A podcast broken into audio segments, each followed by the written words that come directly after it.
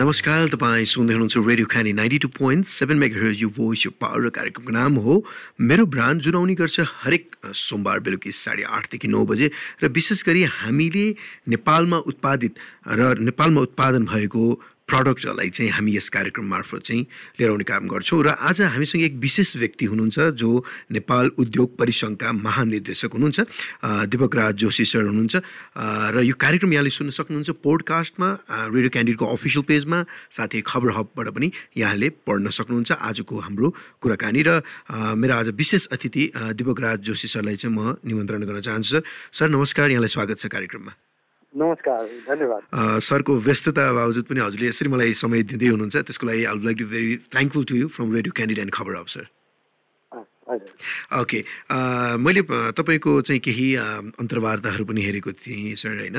र पछिल्लो समयमा नेपाली प्रडक्टहरूलाई चाहिँ अन्तर्राष्ट्रिय बजारसम्म र नेपाली उत्पादन गर्नुपर्छ स्व स्वदेशी उपभोग गर्नुपर्छ भन्ने खालका जुन नाराहरू तपाईँहरूले लिइराख्नु भएको छ यो विषयमा केही भनिदिनुहोस् न सर वास्तवमा अहिले यो पछिल्लो दिनमा नि हजुर। हाम्रो नेपालको स्थिति हेऱ्यौँ भने जहिले पनि यो विगत केही वर्षमा हाम्रो करिब करिब बाह्र पर्सेन्टभन्दा बढी जिडिपीमा कन्ट्रिब्युसन थियो स्वदेश स्वदेशी उत्पादन र स्वदेशी उद्योगहरूको होइन? अहिले पछिल्लो दिनमा त्यो घट्दै घट्दै आएर पाँच पर्सेन्टमा झरिसकेको अवस्था छ। अर्को के भने हाम्रो जहिले पनि यो इकोनोमी इम्पोर्ट बेस इकोनोमी हुँदै गयो। त्यो भनेको चाहिँ बाहिर प्रतिको आत्म के अरे निर्भरता परनिर्भरता चाहिँ एकदम बढ्दै गयो होइन यसले गर्दा के छ भने दिगो विकासका लागि यो राम्रो होइन किनभने उद्योगहरू नबढ्दाखेरि लो स्थानीय उत्पादन र उपभोगहरू नबढ्दाखेरि स्थानीय रोजगारका अवसरहरू पनि सिर्जना हुँदैनन्। राज्यका लागि आय आम्दानीका स्रोतहरू पनि त्यति धेरै हुँदैनन्। अनि समग्रमा भन्ने हो भने देशको यो अर्थतन्त्रको मेरुदण्ड बलियो हुँदै हुँदैन। त्यो हिसाबले हामीहरूले एउटा अभियान नै चलाएका छौँ अहिले। मेक इन नेपाल स्वदेशी अभियान भनेर। नेपाल सरकारसँगकै सहकार्यमा यो अगाडि बढिरहेको छ होइन। अलिकति यो चिन्ताजनक अवस्था देखेर नै हामीले यसको एकदमै तत्काल आवश्यकता बोध गरेर यो अभियान चलाइरहेका छौँ। यो अभियानको अब मुख्य उद्देश्य नै के छ भने यो यो नेपालभित्र औद्योगिकरण बढोस् स्थानीय उत्पादन र स्थानीय उपभोग वस्तुहरूको उपभोग बढोस्। र हामीले नेपालभित्रै उत्पादन गरेका वस्तुहरू चाहिँ विदेशमा निर्यात पनि गर्न सकियोस्। जसले गर्दा चाहिँ नेपालको समग्र अर्थतन्त्र एउटा बलियो र दिगो हिसाबले अगाडि बढ्न सकोस् भन्ने मान्यता अनुसार हामीले अभियान चलाएका छौँ। हजुर। जस्तै हामीले धेरैजना चाहिँ अब जस्तो यो कार्यक्रममा चाहिँ सर हामीले विशेष गरी जुत्ताको factory Nepal Nepal made in नेपालका जुत्ताहरू होस् वा भनौँ न सेन्टरी प्याडहरू होस् र विभिन्न खालका उत्पादन भएका स्वदेशी उत्पादनलाई चाहिँ हामीले सधैँ पनि यहाँबाट यस कार्यक्रमबाट राखिराखेका हुन्थ्यौँ। र जस्तै अब तपाईँहरू एउटा चाहिँ निकायमा हुनुहुन्छ एउटा लिडर पर्सन हुनुहुन्छ लिडर्सहरू हुनुहुन्छ होइन? यति हामीले गुनासो सुन्यौँ कि जुन हुनुपर्ने सरकार नीतिबाट चाहिँ हुनुपर्ने चिजहरू चाहिँ हामीलाई भएको छैन भनिराख्दाखेरि हजुरहरूले यो पहल कसरी गरिराख्नु भएको छ नेपाल सरकार हामीले हामीले यसमा जोडिने हामीसँग जोडिनलाई एउटा हामी अनुरोध गर्छौँ होइन? नेपाली उत्पादकहरू। र यसमा हामी कसरी सहयोग गर्छौँ भने सबभन्दा पहिला त के छ भने नेपाली उत्पादनहरू पनि गुणस्तरीय छन् राम्रा छन् भनेर एक खालको चेतनाको अवस्था पनि छैन। किनभने कन्ज्युमरको हामीले उपभोक्ताको नजरबाट हेर्ने हो भने जहिले पनि छ भने उहाँहरूले बलियो सस्तो राम्रो वस्तुहरू खोजिरहेको हुन्छ। वस्तुहरू प्रतिस्पर्धी भएन भने स्वदेशी वस्तु उपभोग गर्नुहोस् भनेर नाराले मात्र हुँदैन। त्यो हिसाबले हामीले सबभन्दा पहिला त गुणस्तरीय वस्तुहरूको हामी प्रवर्धनमा पनि सहकार्य गर्छौँ होइन? व्यापक प्रचार प्रसार प्रवर्धन गर्ने कामहरू गरिरहेको छौँ एउटा लोगो पनि हामीले आइडेन्टिफाई गरेका छौँ। जो चाहिँ त्यो लोगो एउटा के को मापक हो भने यो गुणस्तरीयता पनि छ यसमा चाहिँ चिटिङ छैन इन्भाइरोमेन्ट फ्रेन्डली प्रोडक्सन पनि हो भन्ने खालको एउटा चाहिँ यो मापक पनि हो होइन? अर्को के छ भने त्यस्ता उद्योगहरू जसलाई चाहिँ विभिन्न ठाउँमा यो सहजीकरणको आवश्यकता परिरहेको हुन्छ सरकारी निकायहरूसँग चाहिँ समन्वय गर्नुपर्ने हुन्छ बिचमा विभिन्न खालका प्रक्रियागत झमेलाहरू पनि हुन्छन्। त्यस्तोमा पनि हामीले सहजीकरण गरिदिने कामहरू गर्छौँ। तेस्रो सबैभन्दा महत्त्वपूर्ण पाटो अर्को के छ भने गुणस्तरीय सामानहरूको उत्पादनका लागि एउटा यो दक्ष जनशक्तिको पनि आवश्यकता हुन्छ। त्यो हिसाबले चाहिँ यस्ता कम्पनीहरूमा चाहिँ दक्षता अभिवृद्धिका लागि सिप अभिवृद्धिका लागि खास गरी कामदारहरूको होइन त्यसमा पनि हामी चाहिँ समन्वयकारी भूमिका खेलिदिने कामहरू गर्छौँ। अहिले पनि हामीसँग युकेएडको एउटा सिप प्रोजेक्ट छ जसले चाहिँ केही कम्पनीहरूमा हामी मार्फत नै उहाँहरूले त्यो दक्षता अभिवृद्धिको कार्यक्रमहरू गरिराख्नु भएको छ। यो लगायत अरू थुप्रै छन् अरू थुप्रै निकायहरूसँग पनि हामी समन्वय गर्न सक्छौँ र गर्ने कामहरू गरि पनि रहेका छौँ र अर्को चौथो के हो भने यो विदेशमा निर्यात गर्दाखेरि चाहिँ कुन मार्केट राम्रा छन् कहाँ चाहिँ पठाउँदाखेरि चाहिँ बढी फाइदाजनक हुन्छ त्यो बाहिर निर्यातका लागि चाहिँ के के गर्नुपर्छ होइन? यस्ता चिजहरूमा पनि हामीले हुन त हामी धेरै पाटोहरूमा चाहिँ सहजीकरण गर्छौँ तर मुख्यतः यी चारवटा पाटोमा बजारीकरणको सिप अभिवृद्धिमा होइन? यो प्रक्रियागत केही झमेलाहरू चाहिँ सरकारी निकायहरूसँग केही समन्वय गर्नुपर्छ त्यसमा र निर्यातका लागि। यसरी चाहिँ हामीले सहयोग गर्ने गर्छौँ र हामी यो तपाईँको महत्त्वपूर्ण कार्यक्रम मार्फत आह्वान पनि के गर्छौँ भने जोडिनुहोस् हामीसँग कुनै न कुनै भ्यालु एड गर्ने काममा चाहिँ हामी सहयोगी पक्कै हुनेछौँ। जस्तै उत्पादनकै कुरा गर्दाखेरि पनि जुन र मेटेरियल्सहरू हुन्छ होइन जस्तै विदेशबाट निर्यात निर्यात गरिराख्नुपर्ने हुन्छ भइराख्दाखेरि चाहिँ लङ टर्म जस्तै अब यो कोभिडको टाइममा पनि धेरैवटा उद्योगहरू बन्द हुने अवस्था पनि रह्यो होइन? नेपाल मेडका प्रडक्टहरू पनि कति गऱ्यो तर बिस्तारै उहाँले हामीसँग उहाँहरूसँग हामी कुराकानी गरिराख्दाखेरि उहाँले के भन्नुभयो भने हामीलाई र मेटेरियल्सहरूमा चाहिँ केही पर्सेन्टेज डिस्काउन्ट यसरी राखेको भए हामीलाई अलि अझै सहजीकरण हुन्थ्यो जुन हामीले ल्याउन खोजेको गरिराखेका छौँ तर जुन हिसाबमा ठाउँसम्म पुग्न पनि सकिरहेको छैन। भनिराख्दाखेरि जो एउटा नयाँ यङ इन्टरप्रिनियर हुन्छ नेपालमै बस्छु म केही गर्छु नेपाली प्रडक्टलाई चाहिँ अगाडि बढाउँछु भनिराख्दाखेरि हजुरहरू जस्तो एउटा निकायमा बसेर एउटा चाहिँ एउटा भनौँ न रुल्स एन्ड रेगुलेसन्स होइन र नीति नियम बनाइराख्ने व्यक्तिहरूले जिम्मेवारी के रहन सक्छ यसमा चाहिँ हजुरको मुख्यतः हाम्रो चाहिँ यो नेपाल उद्योग परिसङ्घ भनेको एउटा निजी क्षेत्रका औद्योगिक व्यवसायीहरूको एउटा छात्र सङ्गठन हो हामीहरूले चाहिँ दुईवटा पाटोमा महत्त्वपूर्ण कामहरू गरेका हुन्छौँ एउटा चाहिँ यो सरकारी निकायमा नीति निर्माताहरू जसको चाहिँ अलिकति जसले जसले यो यो नीतिहरू निर्माण गर्नुहुन्छ उहाँहरूको बुझाइ बढाउनको लागि चाहिँ रेगुलर लभिङहरू गर्ने फिडब्याकहरू दिने रिसर्चहरू पनि गर्छौँ हामी होइन।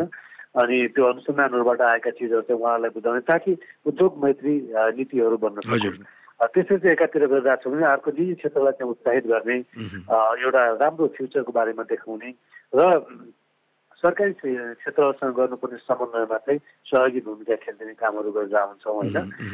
त्यसमा चाहिँ हामीले निजी क्षेत्रलाई एकदमै सहयोगी भएर काम गरिदिइरहेछौँ। र त्यसका लागि चाहिँ हामी फेरि पनि म के भन्न चाहन्छु भने केही त्यस्ता इस्युहरू समस्याहरू छन् भने हामीसँग सम्पर्क राख्नुभयो हुन्छ। हामी त्यहाँ विभिन्न युनिटहरू मार्फत हामीले हाम्रो सक्दो सहयोग चाहिँ पुर्याउने नै छौँ। हजुर जस्तै हामीले देख्छौँ हामी कहीँ बाहिर नै जाँदाखेरि पनि हामी यसो कहाँ बनेको रहेछ भन्दाखेरि चाहिँ ओहो फलानु विदेशमा फलानु ठाउँमा बनेको छ हामी किन एकदम आतुर हुन्छौँ। तर पछिल्लो समयमा चाहिँ अलिकति एक्नोलेजकै हिसाबले गर्दाखेरि पनि हामीले यसो हेरिराख्दाखेरि चाहिँ जो ग्राहक हुन्छ जो हामी नेपालीहरूले पनि हाम्रो प्रडक्ट लिनुपर्छ है भन्ने चाहिँ समर काइन्ड अफ मेन्टालिटी चाहिँ छ। तर पनि त्यसमा अझै हिचकिचाट भइराखेको जस्तो लाग्छ कि मलाई होइन? त्यो कारण चाहिँ कस्तो नि जुन अघि भन्नु भनिहाल्नुभयो जुन स्तरीयका कामहरू गर्छौँ एउटा लङ टर्म ड्युरेसन जस्तै सामान चाहिँ उपभोग गरियौँ तर यसकोले चाहिँ यसले चाहिँ कति ड्यु ड्युरेबिलिटी राख्छ भन्ने कुरामा चाहिँ जनता आफै पनि एउटा कन्फ्युज वा नागरिक आफै पनि एउटा कन्फ्युज छ। सो यो कारण चाहिँ हजुरहरूले जुन हिसाबले अब एउटा हुन्छ नि even even for the funding होइन? फन्डिङ पनि गरिराख्नु भएको छ तपाईँले। मैले जस्तै तपाईँको सोसियल मिडिया मार्फत मैले अध्ययन गर्दाखेरि फन्डिङ पनि भइरहेछ स्किल डेभलपमेन्ट भइरहेछ। भनिराख्दाखेरि युवाहरू वा यसमा लाग्ने व्यक्तिहरूको चाहिँ एउटा जुन मेन्टालिटी कस्तो पाउनुभयो तपाईँले? अहिले अब स्लोली परिवर्तन भइ नै रहेछ यो होइन? तर अलि अझै अझै तीव्र रूपले यसमा हामीले परिवर्तन चाहेका छौँ। कस्तो छ भने आजका दिनमा हाम्रो माइन्ड सेट समग्र होइन? सरकारी निजी सबै क्षेत्रको चाहिँ एउटा आम नेपालीहरूको मानसिकता कस्तो भने हाम्रो। यो नेपाली वस्तु भन्दा बित्तिकै केही ह्यान्डिक्राफ्टका सामानहरू हुन् र त्यो इमोसनल भ्यालुका हिसाबले मात्र बाई गर्नुपर्छ भन्ने छ। तर त्यो सत्यता होइन। आजका दिनमा चाहिँ थुप्रै उद्योगीहरू जोखिम लिएर होइन? अरू अरू सेक्टरमा पनि उत्पादन गरिराख्नु भएको छ र त्यो उत्पादन साँच्चीकै गुणस्तरीय छ। जस्तो आजका दिनमा हामीले हेऱ्यौँ भने चाहे त्यो फुटवेयरमा होस् चाहे त्यो गार्मेन्ट्समा होस् होइन चाहे त्यो लिकर बिजनेसमा होस् चाहे त्यो थुप्रै जस्तो सिमेन्टमै हाम्रो आज आजका दिनमा होइन निकै गुणस्तरीय सिमेन्टहरू उत्पादन भइरहेको छ। थुप्रै ठाउँमा चाहिँ हामीले उत्पादनहरू गरिरहेको छौँ होइन। तर कतिपयलाई चाहिँ के बुझाइन्छ भने ती गुणस्तरीय वस्तुहरू चाहिँ नेपालमै उत्पादन हुन् तर नेपाली होइन कि भने जस्तो क्या कस्तो भने गुणस्तरीयता भनेकै बाहिरको हो। महँगो ब्रान्ड मात्रै हो अथवा चाहिँ एउटा सदैवदेखि प्रचारित ब्रान्ड मात्रै हो भन्ने खालको बुझाइ छ होइन। अब त्यसमा चाहिँ हाम्रो एउटा माइन्ड सेटमा चेन्ज आउनु एकदम जरुरी छ। र पछिल्लो दिनमा मलाई एउटा साँच्चीकै खुसी के लाग्छ भने खास गरी नयाँ पुस्तामा उहाँहरूमा चाहिँ त्यसरी चाहिँ अलिकति त्यसको यसको बुझाइको व्यापकता चाहिँ बढेको पाइन्छ होइन? र स्वदेशी उत्पादनहरू र गुणस्तरीय उत्पादनहरूमा उहाँले उपभोग गरिराख्नु भएको छ। जस्तो अहिले आजका दिनमा हेऱ्यो भने धेरैले नेपालमै उत्पादित जुत्ताहरू त्यसको क्वालिटी पनि आउनु थालेको छ। र उपभोग पनि एकदम धेरै बढाएको छ। अब टी सर्टहरूमा पनि मैले देखिरहेको हुन्छु। नेपाली उत्पादित टी सर्ट एकदम धेरै अगाडि बढिरहेको हुन्छ होइन? लिकरमा पनि त्यस्तै छ होइन? अरू सेक्टरमा पनि त्यस्तै छ। अब यो बढ्दै जाओस् होइन? हामीले चाहिँ यसमा चाहिँ सहयोगी भूमिका खेलौँ। र जति धेरै यो बढ्न सक्यो नेपाल देश त्यति धेरै आत्मनिर्भर हुँदै जान्छ र त्यति हाम्रो अर्थतन्त्र बलियो हुँदै जान्छ। र अर्थतन्त्रलाई बलियो बनाउनका लागि हामी सबैले गरेको योगदान पनि हो के हो? गुणस्तरीयता खोज्नु पनि राम्रो हो त्यसले प्रतिस्पर्धा बढाउँछ। र गुणस्तरीय स्वदेशी वस्तुहरूलाई उपभोग गरिदिनु चाहिँ अझ राम्रो हो। त्यसले चाहिँ के छ भने आत्मनिर्भरता तर्फ लैजान्छ र बलियो अर्थतन्त्र बनाउनमा सहयोगी भूमिका खेल्छ। हजुर। जस्तै हजुरले लामो समय पनि पर्यटन क्षेत्रमा पनि एउटा चाहिँ एउटा हुन्छ नि नाम प्रतिष्ठा हजुरले कायमै गरिसक्नु भएको छ होइन? पक्कै पनि देश विदेश भ्रमणका कार्य योजनाहरूमा पनि तपाईँ सरिक हुनुभएको थियो होइन? र विशेष गरी यो यो जुन थट प्रोसेस जुन हजुरमा होइन after getting back from the tourism होइन? र अहिले चाहिँ नेपाल उद्योग परिसङ्घमा जुन हिसाबले चाहिँ अब नेपाली प्रडक्टहरूलाई चाहिँ स्थान दिनुपर्छ अन्तर्राष्ट्रिय जगतसम्म र हामी पनि केही कम छैनौँ है? हाम्रो म्यानुफ्याक्चरिङ वा हाम्रो मेकिङमा पनि हामी हामी एकदम स्तरीय छौँ भने जुन हिसाबले यो खालको थट प्रोसेस कसरी आइपुग्यो हजुरमा चाहिँ? यो चाहिँ अब वास्तवमा हाम्रो यो उद्योग परिषदमा केही समय अघिदेखि नै चलिरहेको थियो होइन।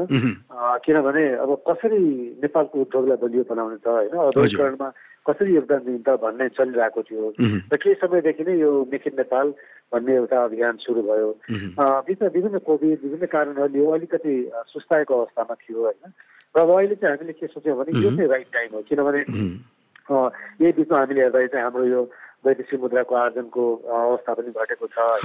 हाम्रो यो बिओपीमा पनि अलिकति रिजर्भ त्यो रिजर्भ पनि कम छ। अब यस्तो बेलामा चाहिँ हामीले स्वदेशी उद्योगलाई चाहिँ बढाउन सकेनौँ भने दीर्घकालीन हिसाबले त हाम्रो अर्थतन्त्र बलियो हुँदै हुँदैन। त्यो त्यो त्यही बुझाइका हिसाबले हामीले यो अभियान अगाडि बढाएका छौँ र पक्कै पनि यो एउटा महत्त्वपूर्ण अभियान छ। सबैको सहयोग पाइ पनि रहेका छौँ र पाउँदै पनि जानेछौँ। अहिले पछिल्लो दिनमा हामी कहाँ यो करिब करिब अस्सी जति कम्पनीहरू यसमा जोडिसक्नु भएको छ ठुल्ठुला कम्पनीहरूदेखि होइन। सानो स्टार्ट उसमा चाहिँ र यही बिचमा हामीले चाहिँ के छ भने अघि तपाईँले एउटा सानो कुरा पनि उठाउनु भएको थियो यो नयाँ उद्यमीहरूको बारेमा। हामीले अहिले उद्योग परिसङ्घबाटै एउटा यो स्टार्टअप फेस्टिभल भनेर केही समय अगाडि सुरु गरेको थियौँ जो साँच्चीकै एउटा ऐतिहासिक भयो होइन। र अहिले के छ भने त्यो किन ऐतिहासिक पनि भयो भने सम्भवतः पहिलोपल्ट केही नवीन आइडियाजहरू छन् नवप्रवर्तनका आइडियाजहरू छन् भने लगानीकर्ताहरू पनि छन् है भनेर त्यो कार्यक्रमले पुष्टि गरेको जहाँ चाहिँ यो सात आठवटा स्टार्टअपहरूलाई लगानीसँग जोडिने काम पनि भयो। डेढ करोडदेखि आठ करोडसम्मको लगानी चाहिँ होइन त्यहाँ त्यसको एमओई नै साइन भयो र त्यसरी चाहिँ हेर्दाखेरि चाहिँ नवप्रवर्तनकामा लाग्ने साथीहरूलाई पनि एउटा राम्रो मौका के आएको छ भने जस्तो पहिला पहिला हामीले देख्छौँ भने आठ दस वर्ष अगाडि नेपालमा पढ्ने भनेकै जागिर खानको लागि भन्ने हुन्थ्यो होइन। जहाँसुकै त्यो जागिरको मानसिकताले चाहिँ पढाइ हुन्छ सारा फोकस त्यहाँ हुन्थ्यो भने अहिले पछिल्लो दिनमा उद्यमशीलताको यो पनि बढेको छ। त्यसका लागि चाहिँ इनोभेटिभ आइडियाजहरू छन् भने आज नेपाल मात्र होइन कि संसार ओपन छ। होइन डिजिटल कनेक्टिभिटीले हामीलाई चाहिँ संसारका ठुल्ठुला देशहरू ठुल्ठुला बजारहरूसम्म हाम्रो पहुँच बढाएको छ। त्यही हिसाबले चाहिँ यतातिर चाहिँ एकदमै एन्करेज हुनुहोस्। हामीले चाहिँ यसमा वरिएन्ट गर्ने एउटा काम पनि गर्छौँ। स्टार्टअपको एउटा हामी छुट्टै समिति पनि छ यहाँ होइन। त्यतातिर पनि म यो यो नयाँ उद्यमी र इनोभेसनमा लाग्नुहुने साथीहरूलाई जोड्नेका लागि आह्वान पनि गर्दछु। जस्तै नयाँ पुस्ताहरूसँग पनि एकदम जोडिराख्नु भएको छ किनकि हामीले जस्तै इन्टरभ्यूकै क्रममा पनि होइन मेरो ब्रान्ड भन्ने कार्यक्रममा इन्टरभ्यूकै क्रममा चाहिँ चक्लेट बनाउनुदेखि लिएर पानीपुरी बनाउनुदेखि लिएर होइन जुत्ताकोदेखि लिएर सेनिटरी प्याडदेखि लिएर यी सबै धेरैवटा चाहिँ इभन द हर्बल ट्री टिजहरूदेखि लिएर पनि सबै गरिराख्दाखेरि एउटा युवाहरूको एउटा अहिलेको माइन्ड सेटमा चाहिँ अब म नेपालै बस्नुपर्छ सिकेर आउनुपर्छ म बाहिरबाट सिक्छु तर म नेपालमै गर्छु भनिराख्दाखेरि तपाईँहरूको जुन वेलकमिङ एकदम राम्रो पनि लाग्यो क्या मलाई प्रश्न अघि पनि हामी कुरा निकाल्यौँ कि इभन लगानी पनि भइरहेछ। र विशेष गरी तपाईँहरूको चाहिँ जस्तै मानौँ म एउटा कुनै एउटा नयाँ उद्यमी छु मैले एउटा एउटा प्लान बनाएको छु एउटा मेरो प्रडक्ट भन्यो भने मैले अप्रोच गर्दाखेरि चाहिँ कस्तो के के सिस्टम्सहरूमा मैले एउटा कुन कुन तरिकाले चाहिँ मैले तपाईँहरूसँग अप्रोच गर्नु जसबाट चाहिँ मैले फन्डिङ पाउँछु। किनकि पक्कै पनि तपाईँहरूले जुन दिनुको गुरु योजना हुन्छ चाहे आठ करोड दिनुहोस् पन्ध्र करोड दिनु गर्दाखेरि पक्कै पनि त्यो एउटा चाहिँ भनौँ न एउटा एउटा एउटा कम्पनी इस्टाब्लिस गर्नको लागि नै दिनुभएको र त्यहाँबाट उत्पादन हुनु तर विशेष गरी त्यहाँसम्म त्यो लेभल अफ भनौँ न त्यो लेभल अफ थट प्रोसेसमा चाहिँ जाँदाखेरि चाहिँ इन्भेस्टमेन्ट कसरी चाहिँ आउन सक्छ जस्तो लाग्छ हजुरको? यसको लागि हाम्रो एउटा प्रोसेस हुन्छ होइन। एउटा त हामीले अब जुन यो वर्ष यो स्टार्टअप फेस्टिभल गऱ्यौँ त्यसलाई वार्षिक हिसाबले गर्ने भनेका छौँ होइन। त्यतिखेर हामीले एउटा अभियानकै हिसाबले आह्वान गर्छौँ र थुप्रै प्रपोजलहरू आउँछन्। त्यहाँबाट चाहिँ स्क्रिनिङ गरेर बेस्ट प्रपोजलहरूलाई मेन्टरिङ गर्ने एजुकेट गर्ने र अनि त्यसपछि अन्तत गएर लगानीकर्ताहरूसँग जोडिदिने कामहरू गर्छौँ। र त्यो बाहेक चाहिँ बिचमा पनि कुनै त्यस्ता आइडियाजहरू छन् भने हामीले उहाँहरूलाई जस्तो अब सुरुमा के हुन्छ भने इमोसन हुन्छ तर त्यसको प्र्याक्टिकलिटी थाहा हुँदैन अब प्रोफिटेबल छ कि छैन कस्ता झमेलाहरू हुन्छन् जाँदाखेरि त लामो बाटो छ नि त अगाडि। अनि त्यस्तो बारेमा चाहिँ अलिकति एक्सपिरियन्स मान्छेहरूसँग कनेक्ट गराइदिने मेन्टरिङ गरिदिने कामहरू गर्छौँ। अब कतिपयलाई चाहिँ आइडिया हुन्छ तर पैसा कहाँ छ त? कसले लगानी गर्छ भन्ने थाहा हुँदैन होइन? यो सेक्टरमा चाहिँ लगानी आउनु सक्छ है भनेर चाहिँ त्यो बाटो देखाइदिने। अनि एकदमै युनिक आइडियाजहरू छ भने हाम्रै नेटवर्कबाट पनि त्यो लगानीका लागि चाहिँ हामीले कनेक्ट गराइदिने होइन? यस्ता कामहरू चाहिँ हामीले गर्छौँ। र त्यसका लागि चाहिँ उद्योग परिषदमा हामी जहाँ यो नो एन्टरप्रेन्यर्स फोरम पनि छ स्टार्टअप कमिटी पनि छ त्यहाँ हामी जुटाइदिन्छौँ। त्यहाँ चाहिँ एउटा प्रोसेसमा उहाँहरूलाई गाइड गर्ने मेन्टरिङ गर्ने लगानीकर्ताहरूसँग जोड दिने कामहरूमा सहयोग गर्छौँ। पक्कै मैले यो किन यो कुरा जोडिरहेको छु भने नि जस्तै कतिजना मान्छे हुन्छ म के गर्छु भनेर चाहिँ भनौँ न घर परिवारलाई भनेर केही आर्थिक तरिकाले चाहिँ हुन्छ नि स्टार्टअप गरि गरिरहेको हुन्छ। तर केही समय चाहिँ दुई वर्ष एक डेढ वर्षपछि खै अब चलेन भएन भनिराख्दाखेरि एउटा सिङ्गो इन्डस्ट्रीलाई पनि एउटा भनौँ न बर्बादीतिर पनि लिएर गइराखेको हुन्छ। होइन? मैले यो मैले प्रश्न नै यही यही तरिकाले गर्न खोजेको क्या। जुन तपाईँले लगानी गर्नु भएको छ एउटा गुरु योजना पक्कै पनि ल मानौँ मैले कुनै एउटा राम्रो भिजन लिएर आएँ म गरेँ। तर यहाँ कस्तो हुँदो रहेछ भने मैले देखेँ विशेष गरेर युवा जनशक्तिमा भनौँ वा मान्छे युवाहरूमा चाहिँ एउटा के थर्ड प्रोसेस यत्रो पैसा दिन्छ यति बेला गर्छु मैले चलेन भनेर म फेरि छोड्छु भन्ने। यस्ता खालको पनि मेन्टालिटी पक्कै तपाईँहरूलाई पनि च्यालेन्जिङ छ। जस्तो हामीले गभर्मेन्टका प्रोग्रामहरू हेऱ्यौँ होइन अनि युवा स्वरोजगारमा अन्य अन्य विभिन्न ठाउँहरूमा। त्यसले कस्तो भने अनुदान दिने चिजहरू छ क्या। अब त्यो अनुदान चाहिँ त्यति प्रोडक्टिभ चाहिँ देखिएन कि। किनभने चाहिँ अब त्यो अनुदान भन्दा पनि अहिले चाहिँ हामी चाहिरहेको छ भने लगानीकर्ताहरूले को लगानी भयो भने त्यहाँ के हुन्छ भने त्यो लगानीकर्ताले उहाँलाई एजुकेट पनि गर्छ टार्गेट पनि दिन्छ होइन अवेर पनि गराउँछ। अनि कति वर्ष त्यो हुँदा चाहिँ बढी फ्रुटफुल र प्रोडक्टिभ हुँदो रहेछ होइन। अनि त्यो हिसाबले चाहिँ हामीले त्यो नेपाल सरकारले सिधै अनु अब त्यो धेरै ठाउँमा अब अब अलिकति भनौँ न त्यसलाई राम्रोसँग मेन्टेनिङ र मोनिटरिङ गरिदिन सकिया रहेछ त्यो राम्रै हुन्थ्यो होला।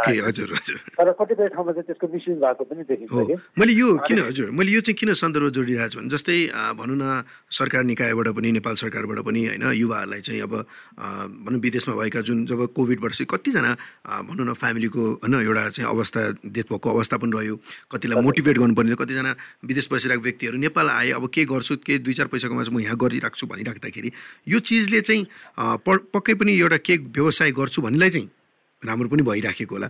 तर कतिजनालाई चाहिँ अब अनुदान दिएको छ म मेरो यसरी प्रेजेन्ट गर्छु म पैसा उठाउँछु लिन्छु भनेर एउटा चाहिँ अलिकति प्रपर मोनिटरिङ पनि नभएको हो कि?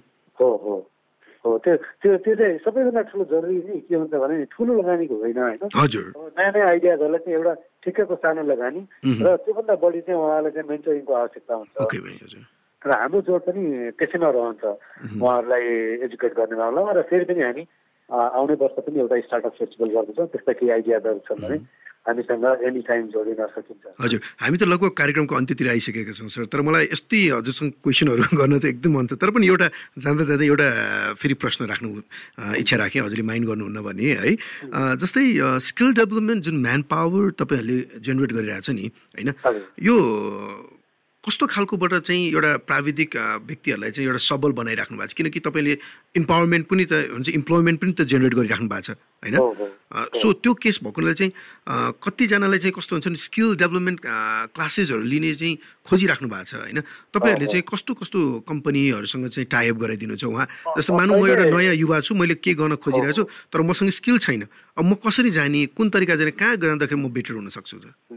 अहिले चाहिँ अब हाम्रो जस्तो केही डेभलपमेन्ट पार्टनरहरूसँग सहकार्य भएको चाहिँ त्यो अलिकति ठुलो म्यानुफ्याक्चरिङ बेस इन्डस्ट्रिजमा सहकार्य भइरहेको छ होइन त्यसमा चाहिँ यो अप्रेन्टिससिपकै उहरू हो अन द जब ट्रेनिङहरू दिने गरेर हुन्छ अनि त्यसमा चाहिँ भइरहेकैको अफिस स्केलिङ गर्ने र नयाँलाई चाहिँ तालिम दिएर त्यही फ्याक्ट्रीमा त्यही चाहिँ प्लेसमेन्ट गर्ने रोजगार दिने हजुर हजुर। अर्को चाहिँ के छ भने नेपाल सरकारसँग चाहिँ सहकार्यमा एउटा अहिले अर्को अप्रेन्टिससिपको प्रोग्रामहरू पनि सुरु भएको छ होइन। त्यसमा पनि हामीले उहाँहरूसँग सहकार्य गरिरहेको छौँ। नेपाल सरकारले केही सानो इन्सेन्टिभ पनि दिनुहुन्छ र त्यसमा के छ भने तालिम प्राप्त भइसकेपछि रोजगारदाताले उहाँलाई रोजगारीको ग्यारेन्टी गर्नुपर्ने हुन्छ। त्यसरी रोजगारको ग्यारेन्टी पनि होस् भनेर गरिराखिएको छ।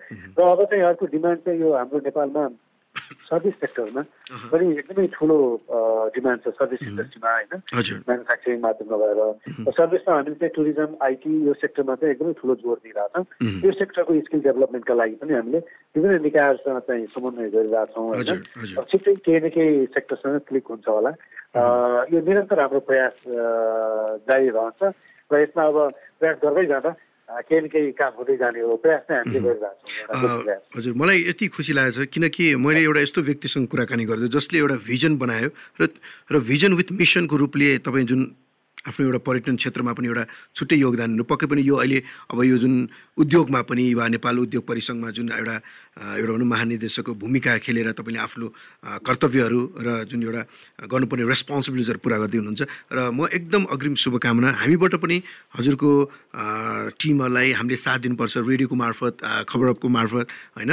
कुनै छ भने प्लिज हामी हजुरहरूलाई सधैँ वेलकम पनि गर्न चाहन्छौँ र thank you so much Deepak sir it's a great pleasure to have you on my show sir धेरै धेरै धन्यवाद। वास्तवमा हाम्रो यो अभियानको एउटा चाहना पनि के छ भने नेपाली उत्पादनहरू नेपाली वस्तुहरू नेपाली सेवाहरू हरेक नेपालीको पहिलो रोजाइ भनोस् र यो यो यो यो पहिलो रोजाइ बनाउने भनेको नेपालको अर्थतन्त्रमा दिइने योगदान त्यसका लागि चाहिँ हामी सबैलाई अनुरोध पनि गर्दछौँ। र पक्कै पनि हामीले स्वदेशी उत्पादनलाई सधैँ नै ग्राहक राख्नुपर्छ र स्वदेशी उपभोगको लागि चाहिँ भनौँ न प्राथमिकता दिँदै हामी अगाडि बढ्नुपर्छ।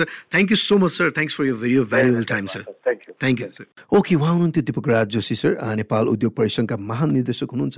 र पक्कै पनि हामीले विशेष गरी नेपाली प्रडक्ट नेपाली मेड प्रडक्ट्सहरूलाई चाहिँ हामीले यस कार्यक्रममा प्राथमिकता दिँदै र पक्कै दिपक सरले भन्नुभएका कति कुराहरूलाई चाहिँ यदि मनन गर्नुभएको छ भने प्लिज तपाईँहरू उहाँहरूसँग कनेक्ट गर्न सक्नुहुन्छ नेपाल उद्योग परिसङ्घसँग र पक्कै पनि त्यसले गर्दाखेरि चाहिँ एउटा तपाईँभित्र भएको एउटा जागृत र तपाईँभित्र के गर्छु भन्ने व्यक्ति विशेषलाई चाहिँ यो एउटा राम्रो प्लेटफर्म हुनसक्छ र पक्कै पनि स्किल डेभलपमेन्टका कुराहरू पनि अघि आइहाल्यो। र पक्कै पनि हामी एउटा भनौँ न लगानी उत्पादन र निर्यातलाई चाहिँ सबैभन्दा इम्पोर्टेन्स राख्दै हामी अगाडि बढ्नुपर्छ।